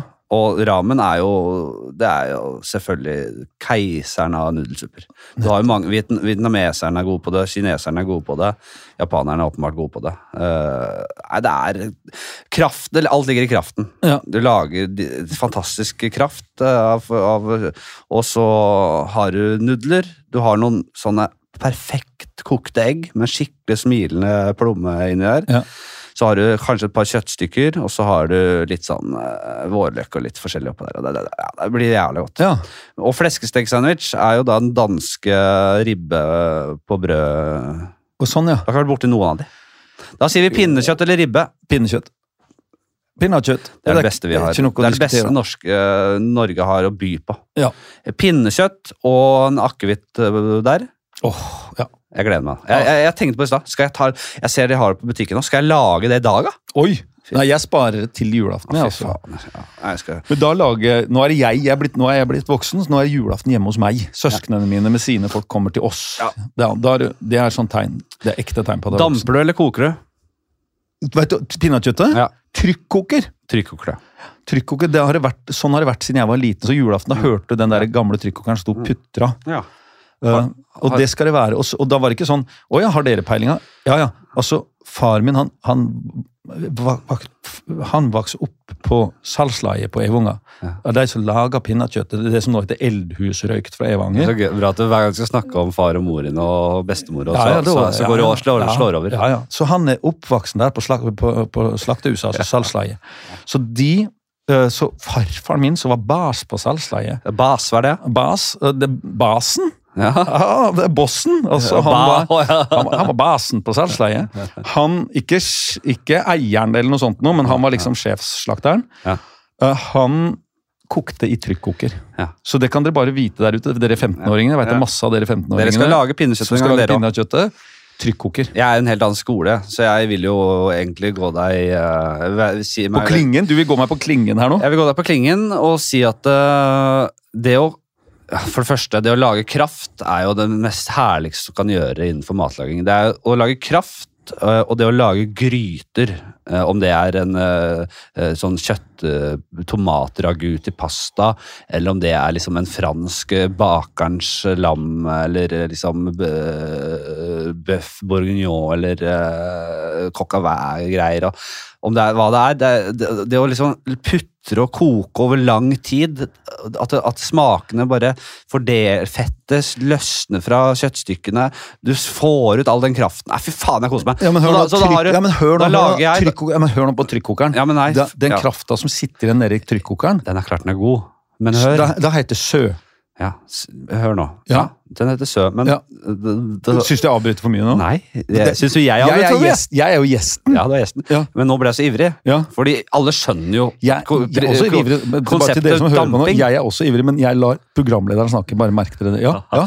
Alle skjønner konseptet Ja. damping. -hmm. Eller trykkoking. Ja, det er to helt forskjellige ting, da. Nei, du trykkoker, du koker det Ja. i trykkoker, ja. Ja. Du damper ikke, nei. Jo, nei, det er jo det er damp inni der, men den dampen er jo da fem ganger så varm. Ligger kjøttet i vann, eller ligger det på en rist og damper? Det ligger på rist og damper. Ja, for, Men den dampen er jo Ja. fem ganger så varm som dampen i en sånn dampegryte. Men tenk deg da, når du lager en kraft basert på alt av aromaer. Gulrot, løk, fennikel øh, Til pinnekjøttet? Selleri ja, Hør nå. Ja. Det der er jo bare, det, det ligger jo bare sånn vidt og napper i. Det smaker jo ikke Nei. fennikel av faenskapet. Det Nei. er bare litt du, du lager den kraften, Mm. så koker du, eller lar kjøttet syde rett i gryta. Ja. I den kraften Ja. i ca. to timer. Ja. Eh, til det er, eh, liksom faller litt fra beinet der. Ja. Uh, eller ganske mye fra beinet, for Ja. å være ærlig. Ja. Du vet hvordan det skal være. Ja. Og så skal du opp av greiene, av denne uh, kraftgryta. Skal du over på et stekebrett. Der heller du over smeltet smør Ja. og, på toppen der. Og så skal du svi det av i ovnen, så du får den crispinessen. Det blir så godt. Det Ja. blir så jævla godt, skjønner du. Ja, nei, du, jeg, og jeg har prøvd det der, selvfølgelig ikke den der, det, her er- snakker vi om fra trykkokeren, men jeg har prøvd å ta det ut derfra og sette det i stekeovnen bitte litt. Ja. Eh, ikke jeg, men jeg og mora mi. Mm. Eh, for, men men skal prøve. Ja, ja, ja. Eh, så vi prøvde det, ikke til julaften selvfølgelig, men som en sånn testpiece. Ja. Eh, fordi skitne søndag, da et vi, da et vi eh, liksom en sånn testpiece Ja, ja. på skitne søndag. ja, ja. Og det er altså siste, det er siste søndag før julaften. Ja. Skitten søndag. Og da prøvde vi det der. Ja. Og det var, vi tenkte alle at det var ok, men det er ikke slik vi gjør det her. Så det er svaret. Svaret på veldig mye av oss tradisjonalistene er- slik har vi aldri gjort det. Kjøttet blir rett og slett tørrere når du damper det, enn når du koker det. Nei, ikke, ja, ikke trykkokeren. Vet du hva? Nei. Nå må du snakke med din venn Hellstrøm, for du, du, du, du hopper han- mellom damping jeg, jeg lærte han! Ja, Men spør han om forskjellen på trykkoker og damping. Ja det er, det er to Ja, verdener. Enig i det. Ok, vi blir nok ikke enige her, Nei. men pinnekjøtt er digg. Det kan vi si. Ja, ja, er, ja. Fytt, det er røykt, ikke sant? Du, du sier ikke noe at det bare er salta? Nei, jeg er ikke Det er nødvendigvis det. Det skal være litt røyk. Ja, ja. Ikke mye, altså. Nei, nei, skal ja. Jeg er ikke så, Nei, jeg, jeg syns røyksmaken kan være dominerende Ok. på det meste. Ja, ja. Armbrøst eller machete. Oh, ja. Hvis du tenker sånn postapokalyptisk-aktig verden, da, ja så har du ett Armbrøst. ja, det blir armbrøst. Ja, ja. Mm. Armbrøst er utrolig eh, våpen, det, altså. Men da, da, da velger du bort liksom mancheten. Du kan bruke den til mye òg. Nei, til mye mer, ja. Det Ja. er bare at armbrøst er så utrolig barsk greie, og det å mekke og det, bygge seg en armbrøst. Eh, det er en veldig tricky Mm. greie å få ordentlig dreis på noe og sånn. Ja. Har du jobba mye med Ja, jeg har prøvd eh, altså, ja, selvfølgelig har du det! Ja. Du har selvfølgelig vært borti armbrøst òg, du. Ja. Men Mestad, machete ja, altså Første gang jeg fikk meg en machete, jeg var i Burkina, Burkina Faso. Ja. Det er, det er mange som ikke veit hvor det ligger engang, men i Vest-Afrika, da, inni, inni landet der. Det er liksom der. Ja. Det er første gang jeg kjøpte meg en machete. Ja. Og det er utrolig kult. Det er jo bare en, det jo bare en Der nede får du jo macheter på hvert gatehjørne. Ja, ja. Mm. All, ja, ja man, machete brukes til alt. De, Men de, de ligger ved siden av bananene og eplene og liksom sånn ute i grønnsaksboden. Det- det- Absolutt. Ja. De henger Men- som paraplyer. Det er sånn, sånn, butikker som selger paraplyer òg, når det regner Der henger de. Machetene. altså machetene. det er utover hele verden. Vi var jo, jeg seilte jo fra Papua Ny-Guinea rundt på sånne helt sånne remote eh, øyer eh, hvor folk lever ekstremt tradisjonelt. Ja. Det er machete som er det verktøyet de har. Det er Klart det er det. Og den macheta den kan du varme opp og mekke til. Og, Ja, ja, machete, Sånn at det, hvis jeg kan eh, Kan ikke jeg nå Først, nå svarte jeg armbrøst. Spør meg en gang til. Hva, eh, armbrøst eller machete? Machete. Ja. Absolutt helt fantastisk verktøy. Ja. Ok. Voi eller olabil? Altså, Voi, disse elsparkesyklene. Ja. Jeg regner med at du ikke er superfan, og at du ikke har satt dine bein oppå en. Ja. Det vil jeg anta. Jeg har aldri Men hatt skal- et Voi-abonnement, men Nei. i en helt perfekt episode, Thomas Giertsens Helt perfekt, Ja. så skal jeg ragge rundt på en sånn el-sparkesykkel. Ja. Og det er jo, var jo kjempegøy da, i ti minutter. Ja. Men det er gøy, kjempegøy i ti minutter. Men jeg syns det er et fint framkomstmiddel. Hvis jeg har litt dårlig tid, eh, så har jeg forskjellig eh, Jeg bare skanner Skanner den QR-koden og kommer meg rett opp og freser av gårde. Ja. Det høres kjempelurt ut. Det er veldig Men uh, al- Eller olabil, var det alt, har- stå, Står den Voien opp mot en olabil? jeg tenkte at du var er mer jeg, jeg tenkte at du var mer skeptisk til Voi enn du viser seg å være. Så da tenkte jeg Men hvis, hvor, hvor imot er du? Ville du heller satt deg i en olabil og kjørt rundt? enn å stå på den der uh, tjafsegreia. Jeg er blitt så innmari åpen, for du tenker at uh, jeg er jo kna... Jeg er jo sånn Jeg er blitt eh, på en måte ekstremt kjedelig som uh, meningsbærer. Fordi det er et par, tre, fire, fem ting jeg mener sånn hardt. Ja. Og det handler om å ta vare på hverandre. at Folk må være greie. Ja. Og i resten er jeg så utrolig åpen. Jeg, blir, jeg blir For hvert halvår som går, Ja. mer og mer åpen. Øh, Kan jeg si en ting om deg? For det første, du er en nydelig fyr. Og så så den forestillingen din, øh, alle Fantastiske alle ting. fantastiske ting, så jeg jo. Det Ja. var jo så på. Ja, Bobla. en gjeng fra speiderprogrammet vi var med på. Vi var så, det var en helt nydelig forestilling. Og du har jo en, til, en tilstedeværelse på scenen som er helt nydelig. Og jeg jobber jo med, som standup-komiker selv, så jeg er jo opptatt av det. Og nei, Det var fascinerende og veldig bra. herlig. Så, og, og fin å snakke med, fin fyr. Eh, Det, du, det som slår meg når jeg eh, møter deg, er at du virker som en fyr som har fått en oppvåkning i livet. En sånn, nesten sånn For du er ikke religiøs. Mm -mm. En som nesten har funnet eh, Jesus. Litt sånn type energi inn i ting. Ja. Skjønner du hva jeg mener med det? Har du alltid vært sånn? Veldig oppsøkende eh, og engasjert type. ja. Det tror jeg alltid Ja, det er ikke noe som har kommet, at du bare har fått livet i gave. Nei, Litt sånn energi har du. Ja, men sånn Nei, har Sånn type Sånn har jeg følt meg altså. Ja. Sånn har jeg Nei, det har følt sånn alltid, men apropos barndom. Jeg gikk på søndagsskolen da jeg var liten, tok det kjempe på alvor. Ja. Så jeg var veldig opptatt av det, eh, av Jesus og Frans av Assisi. Kjempe, jeg var, hadde to sånne barndomshelter. Frans av Assisi. Hvem er det? Frans av Assisi, En religiøs altså Fransiskanermunkene, alle fransiskanerordenen og sånn, det, det kom fra en fyr. Han var rik og tenkte dumme tanker, og så ombestemte han seg. Ja. Og så sa han Det, det er han som har lagd Frans av Assisis bønn. Herre, Herre, gjør meg til redskap for din fred. Der hvor hatet er, la meg så kjærlighet. Han Det høres, for, høres jo nesten ut som en sånn, det er Buddha, da. ja, og det er det Frans av Assisi er nærmere Buddha. Altså Han er av de som har stått for veldig sånn varm og, og tilgivende og, og, og øh, kristendom. Ja. Han hadde jeg så Frans av Assisi bønn hang over senga mi, Hva- samtidig hva- som jeg Var forbildet til en munk? ja, ja, Ja. Frans av Assisi. Men jeg hadde to. Fordi jeg var jo samtidig hyper og fikk hvert halvår, helt fra første klasse, lapp med hjem, eller hva det heter, sånn, det er boka hjem, Ja. hvor det står at eh, det er kjempefint, men han er altfor urolig. Ja. Så vi sliter litt med det. Så jeg hadde det begge deler. Så den andre helten min, barndomshelten, det var Morgan Kane. Ja. Så i spennet mellom Morgan Kane og Frans og Assisi, der, har jeg, der lå jeg som barn. Og der føler jeg fortsatt at jeg er, altså. Husker du tankene dine og hvem du var som veldig ung? Ja, jeg, jeg, For det sliter jeg litt med. liksom, Hvem Jeg kom- faen var jeg egentlig? Ja, kona mi også. Jeg- hvordan husker du alt sånt fra barndommen? og alle de... Men jeg husker ganske mye, altså. Ja, ja. Um, og jeg husker det derre jeg husker, uh, og Det er. Det slutta brått, det der uh, kristendommen min, da, men det var, jeg var ganske stor. Ja. Men, uh, men jeg var innmari opptatt av det. og Han Løvaas, han søndagsskolelæreren, han sa utrolig mye fine ting. Så jeg tenkte veldig mye på det. Og så var jeg samtidig veldig litt sånn hissigpropp og litt glad i å slåss og trente boksing. Og, og, og var veldig, mye i veldig glad i å være i skauen og fyre bål. Ja. Så det var et sånn derre spenn eh, Så jeg var litt sånn atypisk søndagsskolegutt da, inntil jeg plutselig ikke gikk der lenger. da. Ja. Men, men tankene mine var veldig mye på sånn uh, klare seg sjøl og være snill. Ja.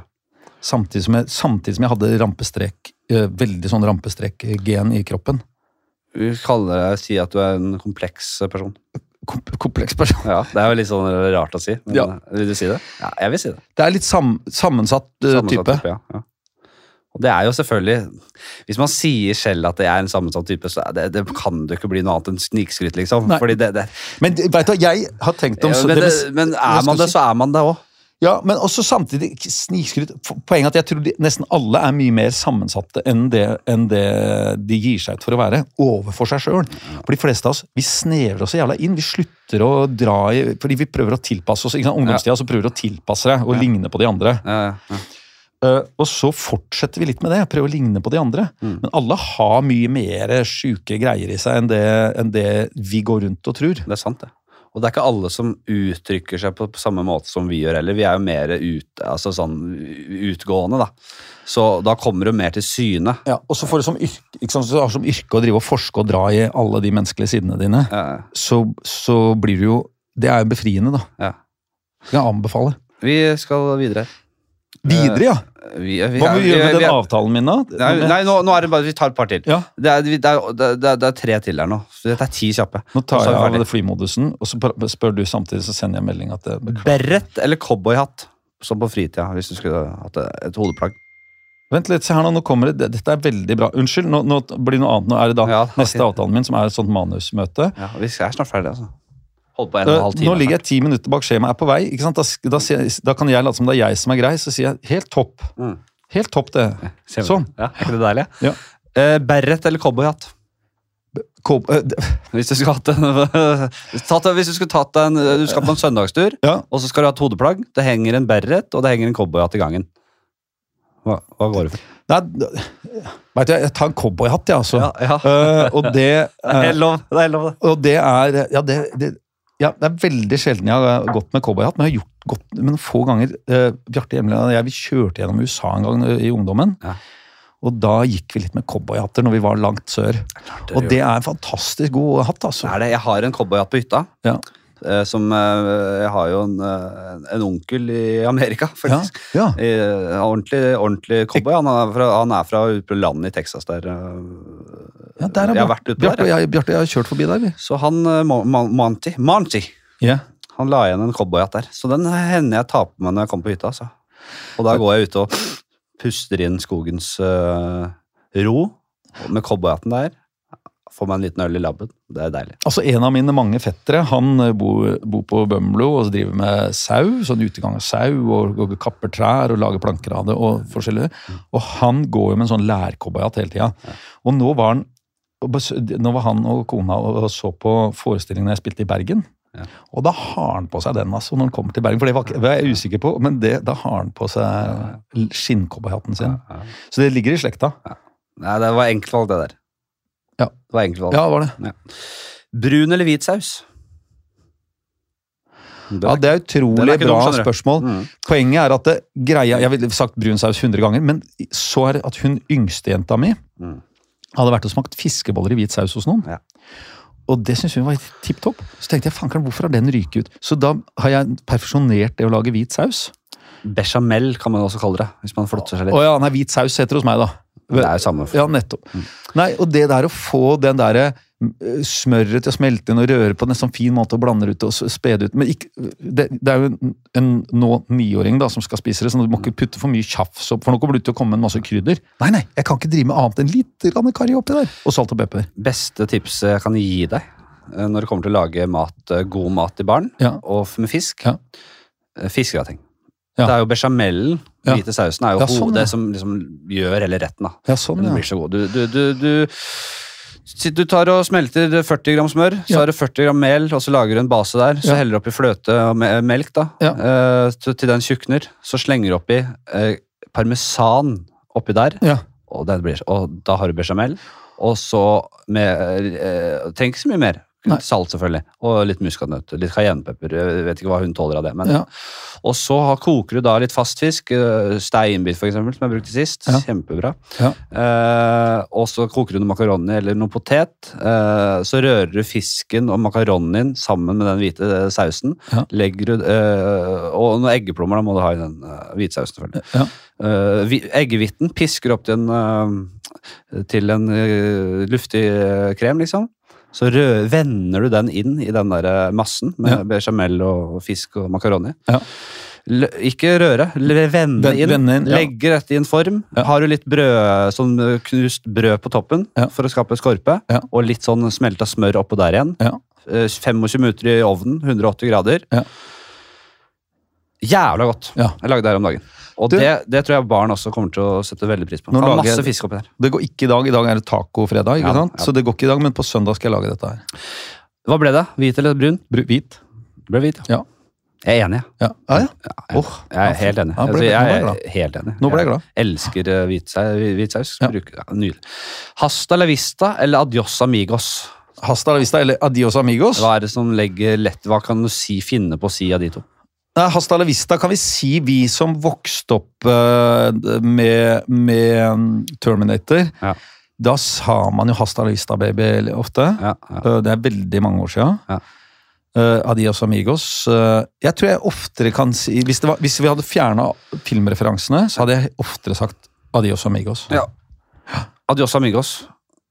Adios. Og da, det er det vi skal vi gå ut på. Uh, adios amigos eller hasta la vista. Er du glad i vin?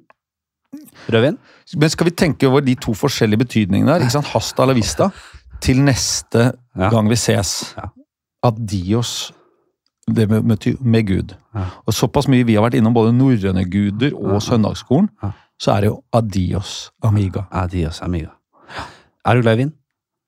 Jeg drikker ikke alkohol, jeg. Jeg, tror, jeg, jeg har fylt kvoten, hvis så tenker du sånn Oi, nei, nettopp. Altså, jeg har fylt kvoten for et helt liv for, inntil, kjøpte for mange år siden. Har du kjøpt vin til meg? Jeg kjøpte- kjempe... Får jeg gave? Jeg har kjøpt eh, jeg, det var en, jeg har en kompis, jævla vininteressert Andy. Uh, vi var i går på Vi hadde dart eh, Vi snakket Ja, ja, ja, ja. dartliga i går. Ja. Tok storeslem. Altså. Gjorde du det? Ja. Oh, jeg har tre seire på rad jeg nå. To, tabelltopp. Oi. Eh, sendte meg av gårde for å kjøpe noe jævla god vin. Ja. Det, det en, du drikker ikke selv. Nei, men jeg er veldig glad i å ha god vin. Ja, hun og, og, og, og svigermora mi blir dødsglad hvis jeg har god vin. Dette er en den var jeg drakk den i går. Ja. Dritgod. Den heter spettburgunder.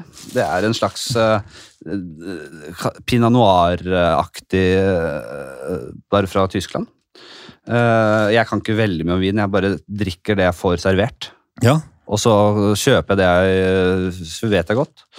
Denne her var dritgod. Og så tenkte jeg at du kunne få Jeg har fire til. Men, og de skal du ha? De skal jeg, Nei, jeg skal jeg, to til meg og to til han Andy. Som, eh, Ja. Så flott, da. Tusen takk. Jeg får én, og Andy får to. nei, vi får ikke. Altså, vi, vi, vi, Har kjøpt, vi ja, sånn, ja. Og så hadde vi en til deg. ja, det Så, ble, så, det ble så, jeg veldig veldig pris på at du tok deg tid. Det var Kjempehyggelig å prate med deg. Som I alltid. like måte. Hyggelig å bli kjent med deg. Du er en ordentlig fin fyr. Takk. Det, det, det lar jeg være siste ord. Fordi Hvis jeg nå sier 'det er du' Jo da, det kan man, man kan fint kvittere. Vet du hva, det er du også. Og skal vi avslutte med å bruke fornavnet videre og, og si takk for nå, Henrik. Takk for nå, Henrik. Og takk til deg der hjemme. Hei!